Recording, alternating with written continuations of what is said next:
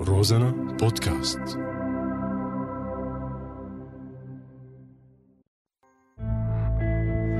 وعشو عم تباركوا لك هم البنات للممات لك عمي. والله هالعريس منيح لك بنتي. بعدين الرجال رحمة ولو كان فحمة. يوه حدا بيمسك رقبته لمرته؟ ما بيقولوا يا ويل اللي بيعطي سره لمرة إيه دخيلك لشو عم تدفع لها دراستها بنت آخرتها لبيت جوزها وللمطبخ شو اخته بلو مطلقة؟ ستي الله يرحمها كانت تقول شرف البنت مثل عود الكبريت بيشتغل مرة واحدة أمي بدي إياها صغيرة مشان نربيها على إيدي يو بثلاثين وما تجوزت؟ قولي عانس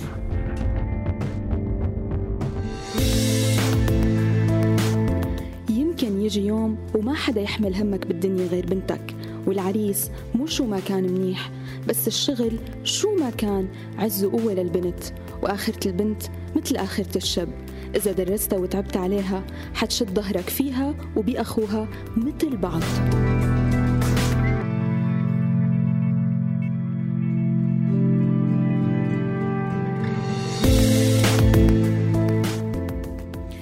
لما بيقولوا المجتمع ذكوري ما القصد ذكور المجتمع فقط بل الإناث كمان القوانين المؤسسات والحكومات. المجتمع الذكوري هو كل أم ربت بنتها على أنها أقل من أخوها الذكر. هو كل زوجة راضخة بشكل كامل فقط لقناعتها أنه زوجها أفضل وأحق منها.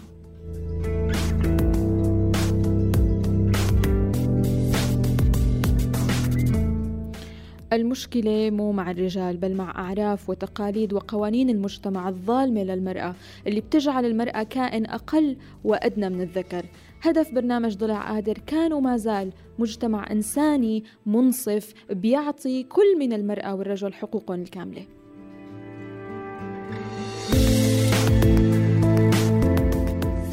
ضلع قادر حلقة جديدة أنا حنان مساء الخير.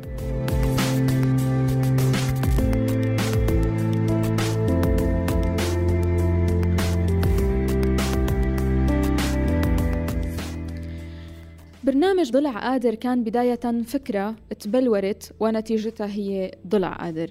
اشتغلوا عليه مجموعة من الشباب والصبايا من فريق المدافعين والمدافعات عن حقوق المرأة. عملوا زيارات لنساء معنفات ومنتهكي الحقوق قعدوا معهم حسوا فيهم ونقلوا معاناتهم. وبدوري أنا وفريق روزنا نقلنا لكم إياها.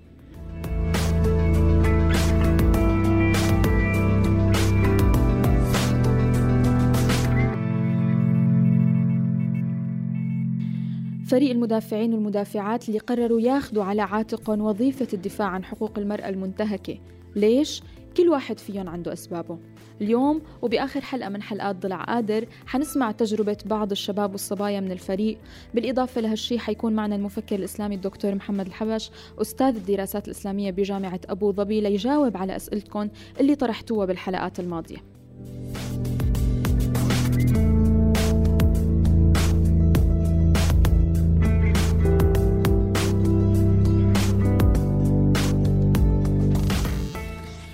بداية بدي رحب بجميل معنا على الهوا. جميل من فريق المدافعين والمدافعات. مساء الخير جميل. مساء النور يا هلا. يعطيك العافية. كل عام وأنت بخير.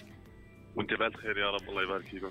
جميل أنت فرد من أفراد فريق المدافعين والمدافعات اللي اشتغلوا على الزيارات بداية وهاي الزيارات كانت نتيجتها إنه طلعنا ببرنامج ضلع قادر حابين نحن نسألك ونفهم منك شو الدافع اللي خلاك تكون جزء من هذا الفريق؟ طبعا الله يعطيكم العافية الله ومشكورين. كثير على جهودكم اللي بذلتوها وما قصرتوا ابدا. شكرا لك. أنا الله يكرمكم. أنا طبعا الهدف الرئيسي بالمشاركة. اللي هو آه، بعض الأمور اللي حصلت معي آه، نتيجة النساء وبعض العادات والتقاليد اللي كانت موجودة. اللي هي آه، مرة كنت في آه، مكان معين. فكان في خطوبة لشخص نعم والبنت كانت رافضة ابدا. وهنو عم يعقدوا العقاد صاحت البنت من بعيد إنه أنا ما بدي إياه وصارت تبكي وكذا لحتى الشيخ اللي كان راح يعقد العقد ترك الخطبة وغادر. طبعا هي عادات وعرف. والبنت طبعا نالت ما نالت من العقاب. من أهلها. أكيد. فهذا أحد الأسباب وبعض الأسباب اللي حدثت أثناء الثورة وال والنزوح اللي حصل نعم. إنه بعض الآباء صاروا يبعثوا اباء بناتهم على مناطق معينة وبلدان مختلفة لحتى يتزو- يتزوجوهم لأولاد عمهم. مهم. وإذا رفضت آه، ما عاد أهل يستقبلها. طبعا هاي حادثة حصلت معي. أنا رأيت بنت آه، ما عاد تعرف وين تروح. بعد ما. رفضت ابن عمها. لا اهلها قدروا يستقبلوها ولا حتى بيت عمها ف فظلت بالشوارع يعني.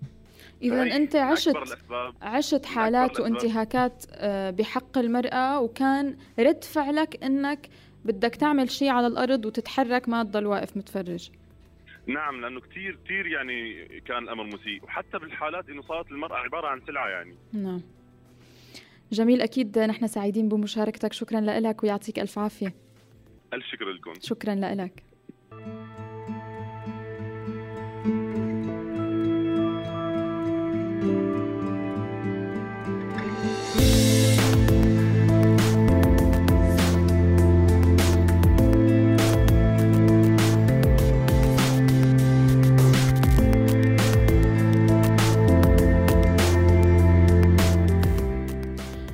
لكم عن جديد بضلع قادر معنا على الهواء المفكر الإسلامي الدكتور محمد الحبش أستاذ الدراسات الإسلامية بجامعة أبو ظبي.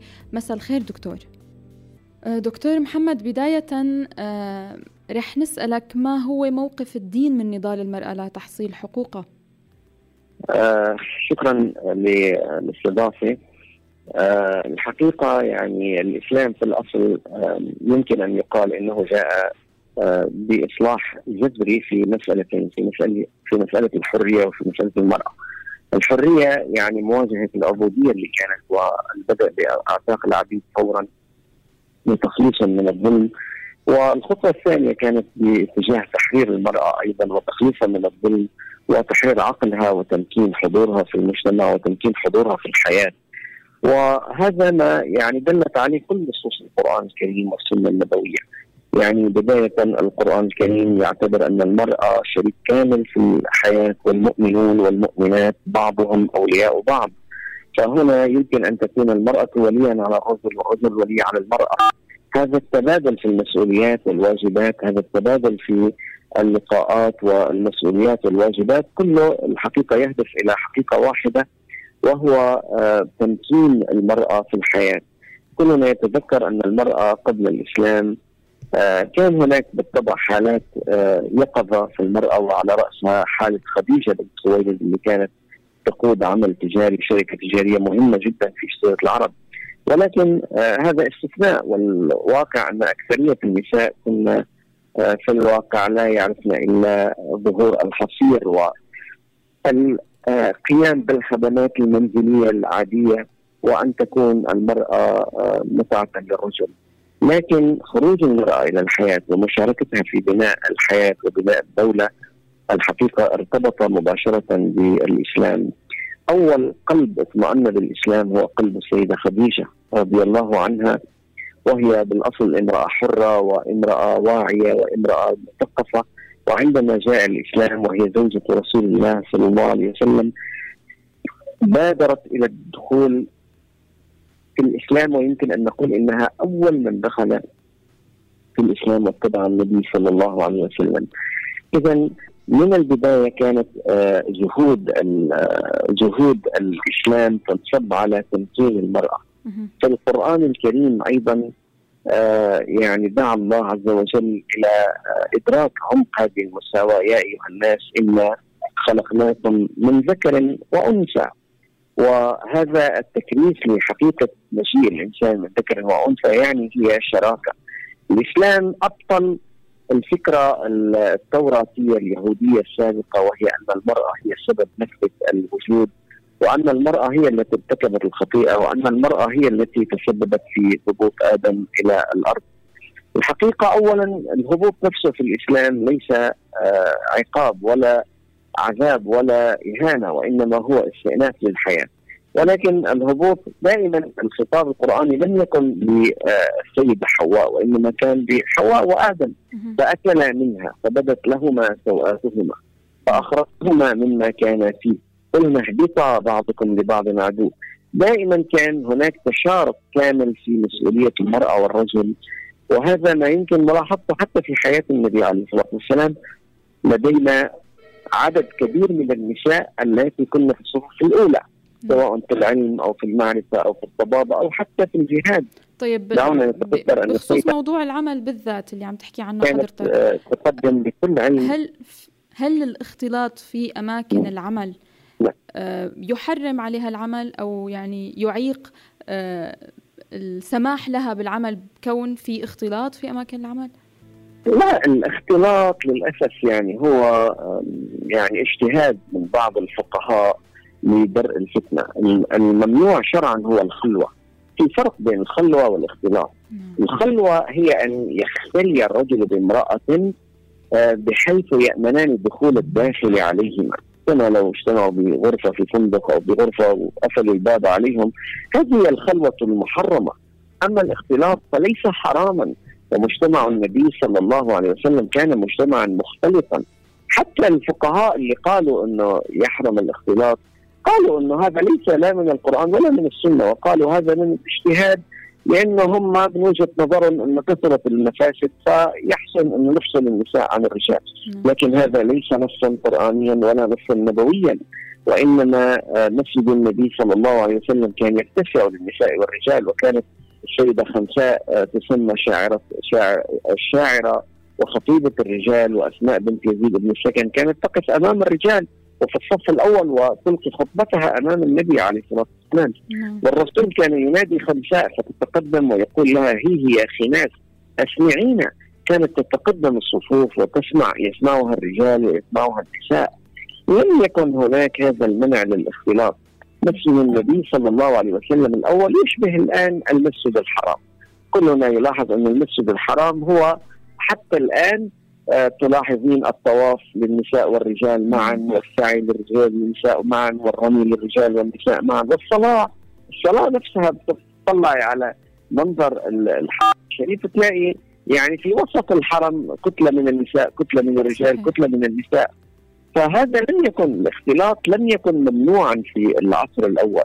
حتى المشايخ اللي بيمنعوا الاختلاط ما بيقولوا لا قال الله ولا قال رسول الله وإنما بيقولوا نحن نجتهد من شان حماية المرأة وفي تقديري أن هذا الاجتهاد غير منطقي وغير عقلاني. اذا آه، ال- الدين ما حدد آه، مهمة واحدة أو وظيفة واحدة للمرأة في الحياة كتربية الأولاد مثلا فقط.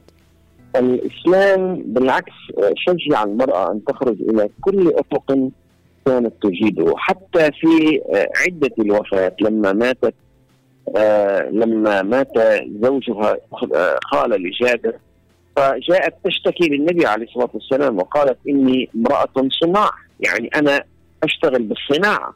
وهذا يعني آه، أخي أو ابن أخي يمنعني فنهاه رسول الله صلى الله عليه وسلم حتى في فترة العدة. يعني بتعرف إن إحنا عندنا فترة العدة للأسف بيعتبروها هي فترة سجن زانه منفردة للمرأة أربعة اشهر وعشرة أيام. نعم. هذا غير صحيح.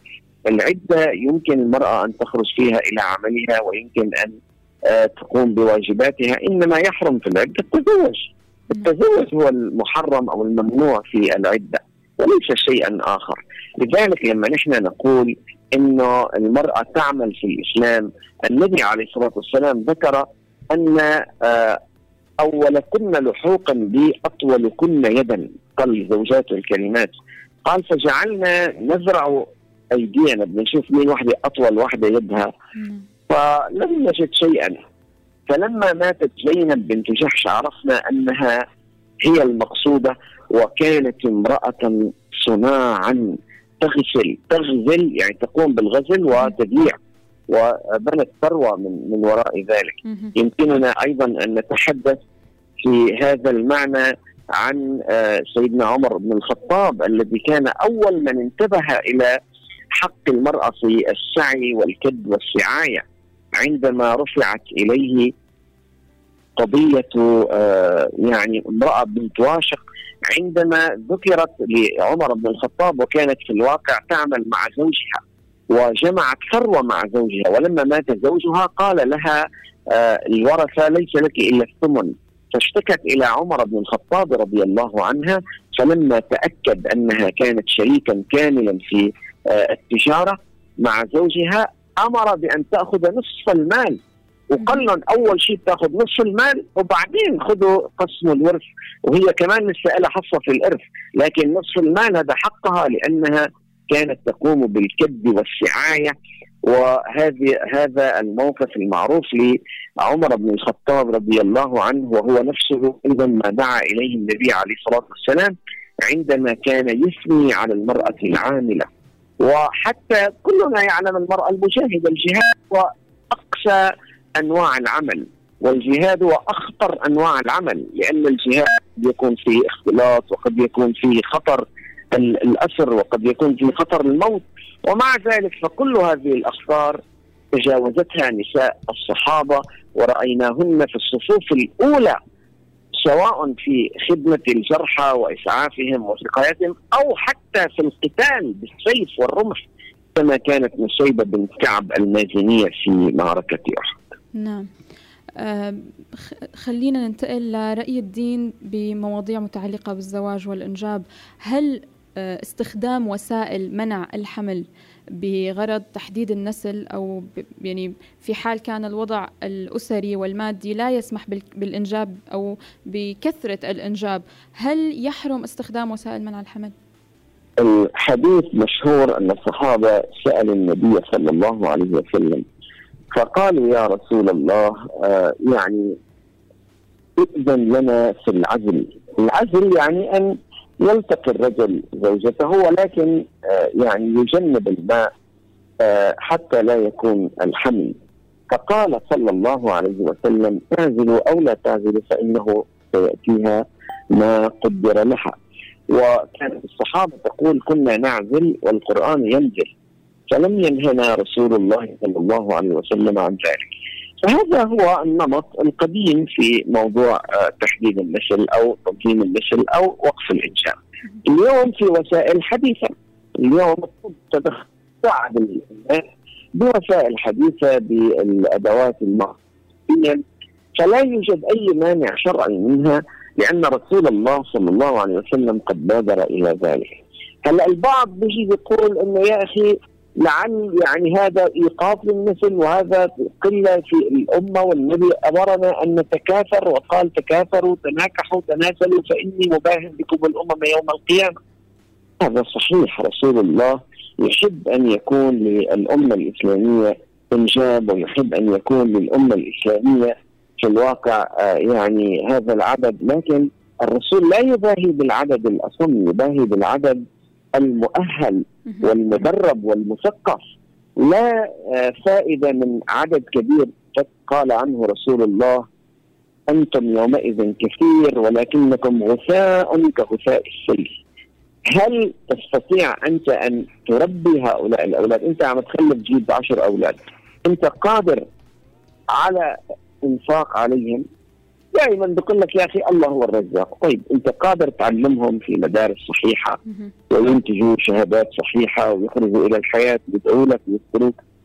أنت قادر أن توفر لهؤلاء الأولاد تربية صحيحة بحيث أنك أنت تضل عم تتابعهم كل يوم.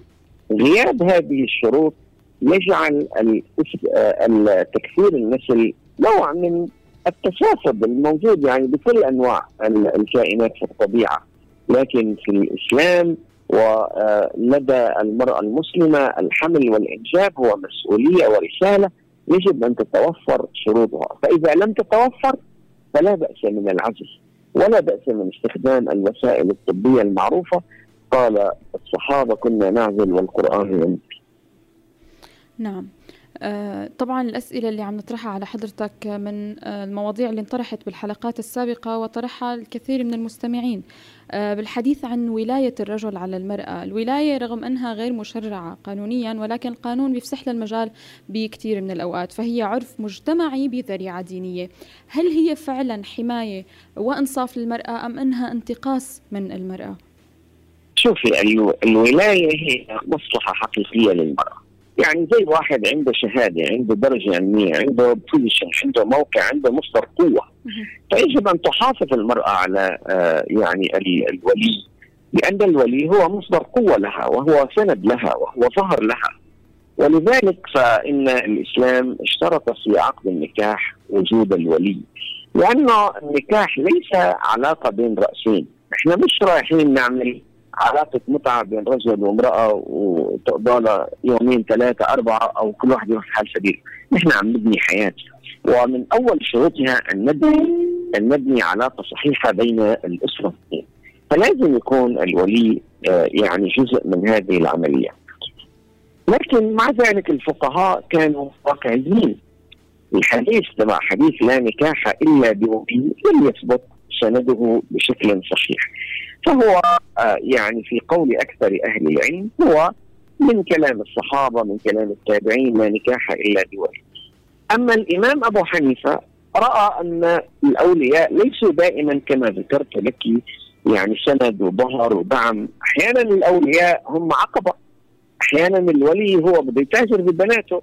أحيانا خاصة لما بيغيب الأب يكون الموضوع بيد الأخ أو بيد العم.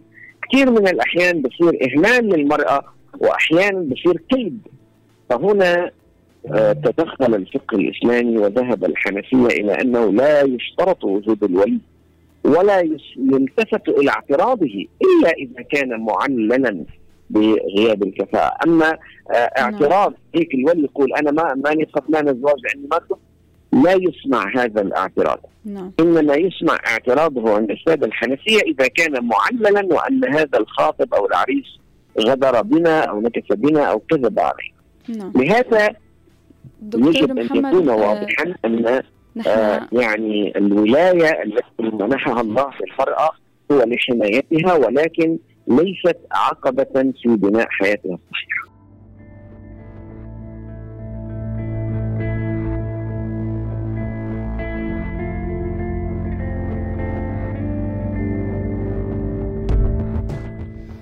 دكتور محمد عن جديد مساء الخير. آه، خلينا نحكي عن تعدد الزوجات. آه، برنامج ضلع قادر لما بلش بلش آه، بشغل لفريق اسمه المدافعين ومدافعات عن حقوق المرأة رصدوا الكثير من الانتهاكات بزياراتهم لبيوت نساء آه، معنفة أو منتهكة منتهكة حقوقهم في مجموعة من النساء آه، كانت مشكلتهم أو المظلمة تبعتهم هي آه، لما أقدم الزوج على التعدد تعرضت فيه بهاي الحالة تعرضت للظلم شو رأي الدين بهذا الظلم؟ الحقيقة أن ال- الإسلام يعني شرع آه، عندما ذكر التعدد التعدد ليس فيتامين التعدد هو دواء دواء لمشكلات اجتماعية متأصلة وعريقة. أما وعميقة أما التعدد بحد ذاته فالزواج بحد ذاته الأصل هي الزوجة الواحدة. ويمكن أن نلاحظ أن النبي عليه الصلاة والسلام دائما الناس بيقول لك الرسول تزوج تسعة والرسول كان عنده نساء كثيرات. الحقيقة أن الرسول عليه الصلاة والسلام لم يعدد. لم يعدد على زوجته أم عياله أم الأولاد لم يعدد عليها بنى حياته معها بقي معها إلى أن رحلت إلى الله عز وجل وحزن عليها وسمى العام كله عام الحزن آنذاك الآن بعد ذلك يعني ممكن آه يعني الرسول نفسه لما كان يزوج بنات كان يشترط على الأصهار أنه ما بيتزوجوا عليهم لأنه هذه بنت جديدة عم تبني حياتها وبدها شريك وبدهم يكملوا سوا كشريك وشريكة. هلا هذا لا يشبه لما نحكي ان النبي عليه الصلاة والسلام بعد وفاة خديجة تزوج سودة بن زمعة وكانت امرأة آه، مسنة وثبته وثقيلة ثم تزوج حفصة تزوج عائشة يعني الحقيقة لم يكن معددا على أحد ما في ما في سيدة كانت يعني هي كرست حياتها مع الرسول عليه الصلاة والسلام ثم شرع يعدد عليها. هذه النساء كلهن كن مطلقات أو أرامل يعني لهم تجربة سابقة باستثناء عائشة رضي الله عنها وكان مهمة النبي صلى الله عليه وسلم كان لهذا الزواج طبعا حكم وفوائد ممكن أن نستعرضها لو درسنا ما جرى من السبي بالذات يوم المصطلق ويوم خيبر وتم تحرير السبي كله بفضل زواج النبي عليه الصلاة والسلام من جويريه ومن صفيه. ما بدي أروح كثير على السيرة النبوية نتحدث لكن يعني النقطة المهمة واللي أنا بحكيها أن النبي عليه الصلاة والسلام كان يشترط على أصهاره أن لا يعددوا على بنات. اشترط على أبو العاص بن الربيع وعلى عثمان بن عفان وعلى علي بن أبي طالب. والقصة معروفة في البخاري أن عليا أن بني هشام بن المغيرة استأذنوا النبي صلى الله عليه وسلم أن ينكحوا ابنتهم على على فاطمة يعني أن يزوجوا عليا. فغضب الله غضبا شديدا وصعد المنبر وقال والله لا آذن والله لا آذن والله لا آذن إلا أن يطلق ابن أبي طالب ابنتي ويتزوج من شاء. ثم ذكر رجلا من بني عبد شمس صهرا له من بني عبد شمس وعد فوفى وهو عثمان. وذكر أبا العاص بن الربيع وقال وعدني فوفى وهو صهره الثاني. فالرسول كان واضحا الزواج وعلاقة تشارك متساوية بين رجل وامرأة. هلا لما بيكون في أسباب موجبة قد يكون هناك مرض قد يكون هناك عجز قد يحصل أسباب يعني تدعو المرأة نفسها أن تقول للرجل يا أخي روح لاقي زوجة ثانية هذه الحالات يعني هي حالات ضيقة وتقدر بقدرها وهي الاستثناء القليل في حين أن الأصل هو الزوجة الزوجة الواحدة. الآن الحقيقة يعني نحن بنحسن نقول انه يعني الفقهاء أجازوا للمرأة أن تشترط في عقد زواجها أن لا يتزوج عليها. وهذا الحق مكفول مكفول اولا بالقرآن الكريم لقوله تعالى يا أيها الذين آمنوا أوفوا بالعقود. ومكفول بحديث النبي صلى الله عليه وسلم إن أحق ما وفيتم به من الشروط ما استحللتم به النساء. ولذلك أخذ الإمام أحمد بن حنبل فيما بعد ابن القيم وابن تيمية أخذوا بهذا الشرط وقالوا نعم للمرأة أن تشترط في عقد نكاحها أن لا يتزوج عليها، فإذا تزوج عليها آه يمكن للقاضي أن يعاقبه ويمكن أن ينقل العصمة لها إذا شاءت أن تطلقه ويمكن أن يفرض عليه من الغرامة ما ما يرى أنه مكافئ لهذه المظلمة التي ارتكبها بحق المرأة. للأسف حتى الآن معظم القوانين في البلاد العربية لا تعترف بهذا الحق مباشرة. تسكت وتقول يجب الوفاء بالشروط إلا شرطا يخالف مضمون العقد وتلقى بيجي التفسير إن الشرط المخالف لمضمون العقد هو منع الرجل من التعدد. ما نعرف يعني كيف يجي هذا؟ يا جماعة التعدد استثناء استثناء الأصل هو الزوجة الواحدة والوفاء بالزوجه الواحدة والحب للزوجة الواحدة. كما أن المرأة لا يوجد في حياتها تعدد ما في إلا الرجل بدها تخلص له وتكون وفية له. والاستثناء أندر من النادر وحالات خاصة. يمكن يعني لو أفرطنا في توصيفها لازم نحط ألف شرط لمن يريد أن يعدد لكن أهم شيء لو كتب في العقد وأنا أدعو أنا دعوت آه، يعني الدول العربية أنه يكون عقد الزواج بالأصل مطبوع ومكتوب فيه هذا الشرط. نعم. اذا الدنيا الرجل والمرأة بيشطبوه بس الأصل أن يكون موجود وليس العكس انه يكون غائب وهم يكتبوه لا لازم يكون مكتوب وإذا ما أرادوه يشطبوه أما لازم يكون مكتوب لأنه كل امرأة عندما تتزوج هذا شرط ضمني وأكيد أنه لا تتزوج عليها هذا شرط ضمني وأكيد ويجب أن يحترم. آه، أخيرا دكتور محمد آه، في الكثير من الحجج بأنه آه، لا يجوز للمرأة رفض دعوة زوجها للعلاقة الزوجية في إحدى الحلقات طرحنا هذا الموضوع ببرنامج ضلع قادر بخصوص العلاقة الزوجية هل من حق الرجل إجبار زوجته على العلاقة؟ الحقيقة يعني يرد في هذا السياق حديث أيما امرأة دعاها زوجها فلم تستجب له باتت الملائكة تلعنها حتى تصبح. لدى التحقيق يمكن الجزم بأن هذا الحديث حديث شاذ. ولو كان في الصحاح لأن الحديث الشاذ هو حديث صحيح ولكن يخالف ما هو أصح منه. ففي هذا الحديث دعوة المرأة إلى ممارسة الجنس مكرهة ومرغمة آه، لمجرد حصول رغبة لدى الطرف الآخر. الحقيقة أن هذا اللون من الإرغام يتناقض مع آه، أساسيات موجودة في الدين آه، يعني تمنع الإكراه بكل أشكاله وهذا لون من الإكراه. لذلك يعني هذه النصوص القرآنية التي تمنع الإكراه والنصوص القرآنية التي تدعو إلى أن يكون العلاقة الزوجية سكن سكن لنا وسكن لهم وكذلك أيضا النص على عقاب آه، عقاب شديد جدا هو أشبه بعقاب جرائم الحدود على مسألة هي الامتناع عن مباح. الامتناع عن مباح لا يوجد في الشرع هذه مثل هذه العقوبات. لذلك فإن هذا الحديث يمكن الحكم عليه وفق علم الاصطلاح بانه حديث صحيح شاذ. شاذ يعني خلاص إذا ظهر فيه الشذوذ أو العلة القادحة لم يعد ملزما للناس وصار يجب علينا أن نلتمس له تاويلا آخر أو نرده فالحقيقة الامتناع عن المباح ليس فيه عقاب في الشرع وما ورد من هذه اللعنات والغضبات ليس واقعيا وهو يخالف روح الإسلام في آه يعني حق الإنسان في الإتيان إتيان المباحات أو الامتناع عنها. نعم. الدكتور محمد الحبش أستاذ الدراسات الإسلامية بجامعة أبو ظبي شكرا كثير لك ويعطيك ألف عافية. وشكرا لك يا حنان وصلى دائما بالتوفيق والله يرضى عليك.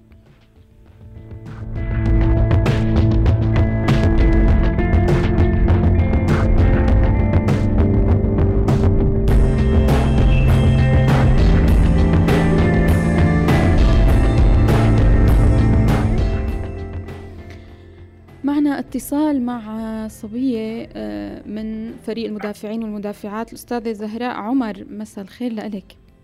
أهلا وسهلا حناني. هلا. أهلا فيك يعطيك ألف عافية أول شيء وأكيد يعني جهود الفريق جهودنا كفريق مشكورة ويعني بالنهاية طلعنا ببرنامج ضلع قادر بناء على هاي الجهود. احكي لنا أنت عن آه، الدافع اللي خلاكي تكوني من فريق المدافعين والمدافعات. آه حنان أنت بتعرفي مثل ما البعض بيعرف إنه أنا محامية. نعم. أخذت قرار إني أكون محامية من عمري 13 سنة نتيجة واقعة صارت آه اللي هي كانت جريمة الشرف بعذر محل. وكنت الصبية بعرفها تمام وكانت آه لمجرد الريبة والشك يعني حتى علاقة ما كان في فهون أخذت القرار إنه أنا لا لازم ألاقي حل لهذا الموضوع. حاج المراه تعيش كأنها متهمة كل حياتها وكل حياتها لازم تدافع عن حالها عن شيء هي ما ساوته.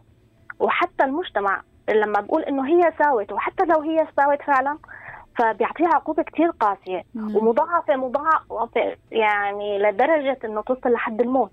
نعم. في حين إذا ارتكب الشاب هذا هذا النوع من الأفعال بتلاقيه إنه اعتبروه بطل أو هو إثبات للذكورة أو الرجولة. صحيح.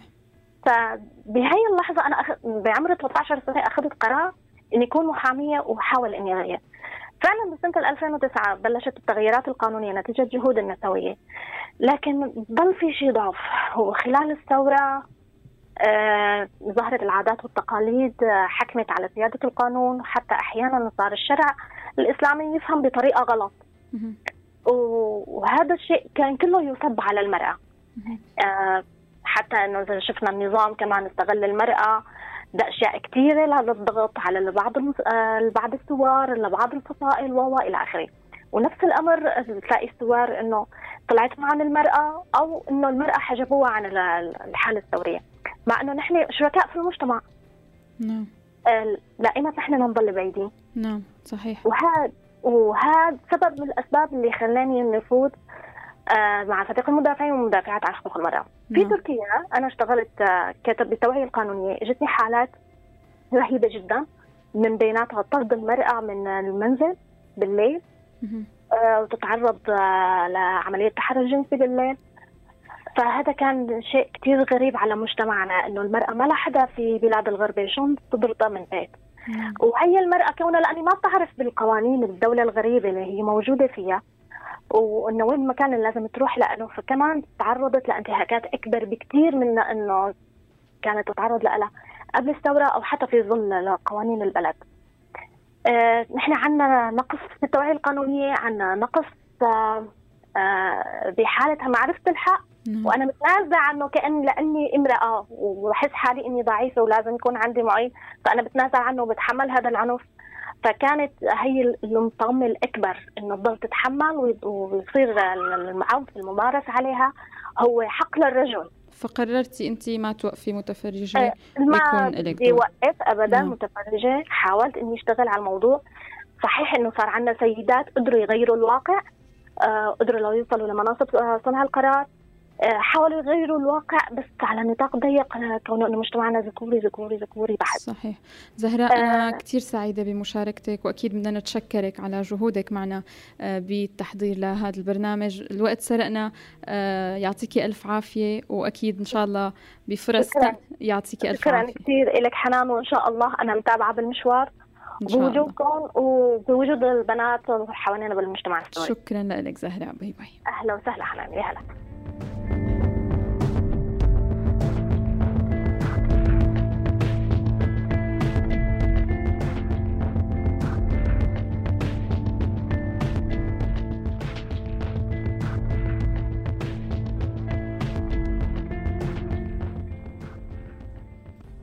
رح ناخذ آخر اتصال لليوم معنا هيا كمان من فريق المدافعين والمدافعات ألو مساء الخير ألو مساء الخير حنان كيفك؟ أهلا يا هيا أنا بخير الحمد لله، بما إنه وقتنا شوي ضيق نحن مهتمين نسمع الدافع اللي خلاك تكوني بفريق المدافعين والمدافعات.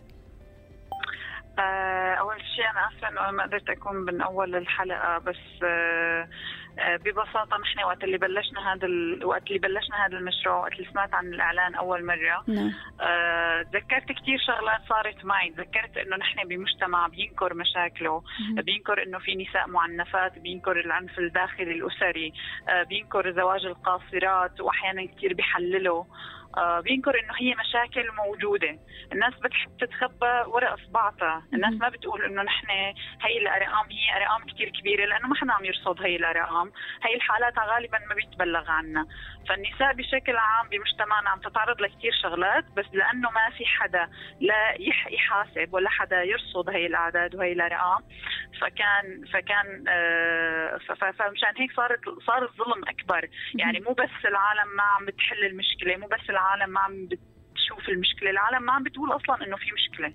نعم صحيح. فكان فكان هذا السبب الرئيسي خاصة إنه إنه المشروع ضلع قادر كان بيعتمد على رصد هي الممارسات صحيح. والانتهاكات اللي بتتم آه، بحق المرأة السورية بشكل بشكل عام يعني إن كان بالغربة ولا ولا جوات البلد هن بشكل عام همنا واحد وقت اللي وقت اللي طلعنا لبرا صار كثير كثير الوضع أسوأ لأنه واحد ببلده كان يعني مثلا ممكن يكون في أهل ممكن يكون في جيران ممكن يكون في حدا بس وقت الست عم تطلع أحيانا كثير لحالها أو أو يعني مع ناس كثير قلال أو كذا فهي حرفيا ما لها حدا فصارت نعم. الانتهاكات ضعف نعم. وصارت العالم وطبعا نحن متعودين نحن نخبي هذا الحكي لأنه ما حدا ما حد يعني لأنه هي ما حدا بينحكى فيها فأنا إذا قلت مثلا إنه أنا زوجي بيعنفني فأنا رح أكون حدا كثير غريب ورح أحس حالي إنه أنا الوحيدة اللي بصير معي هيك آه ورح أكون أنا إنه عم بشتكي أو شيء بينما هي حالات كثير كثيره وكثير موجودة فإنه فبس كرمال تحس هدول هدول النساء يحسوا إنه هن مانن لحالهم نعم. وإنه هي وانه إنه على الأقل نعرف إنه في انتهاكات موجودة بمجتمعنا نسلط نسلط الضوء عليها صحيح. ونحاول نعمل شيء. نعم. هيا أكيد سعيدين بمشاركتك وبمجهودك معنا بالتحضير لبرنامج ضلع قادر. يعطيك ألف عافية وشكرا لك شكرا كثير لك حنان وللكل. باي باي. بودعكم بآخر حلقة من حلقات ضلع قادر بتمنى نكون وصلنا الرسالة رسالة البرنامج لهدفها مجتمع إنساني منصف بيعطي للمرأة كما للرجل حقوق كاملة. تمنياتنا بالسعادة والإنصاف لكل نساء العالم وإلى لقاء قريب. وعشو عم تباركوا لك هم البنات للممات لك عمي. والله هالعريس منيح لك بنتي. بعدين الرجال رحمة ولو كان فحمة. يوه حدا بيمسك رقبته لمرته؟ ما بيقولوا يا ويل اللي بيعطي سره لمرة إيه دخيلك؟ لشو عم تدفع على دراستها؟ بنت آخرتها لبيت جوزها وللمطبخ.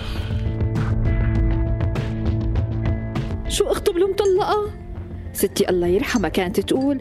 شرف البنت مثل عود الكبريت بيشتغل مرة واحدة. أمي بدي إياها صغيرة مشان نربيها على إيدي. يو بثلاثين وما تجوزت؟ إيه قولي عانس.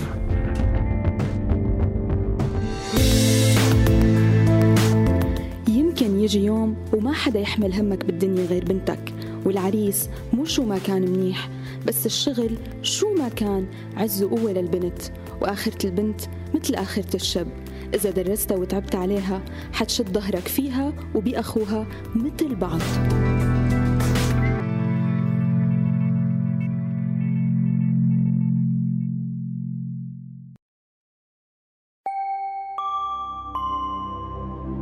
روزانا بودكاست.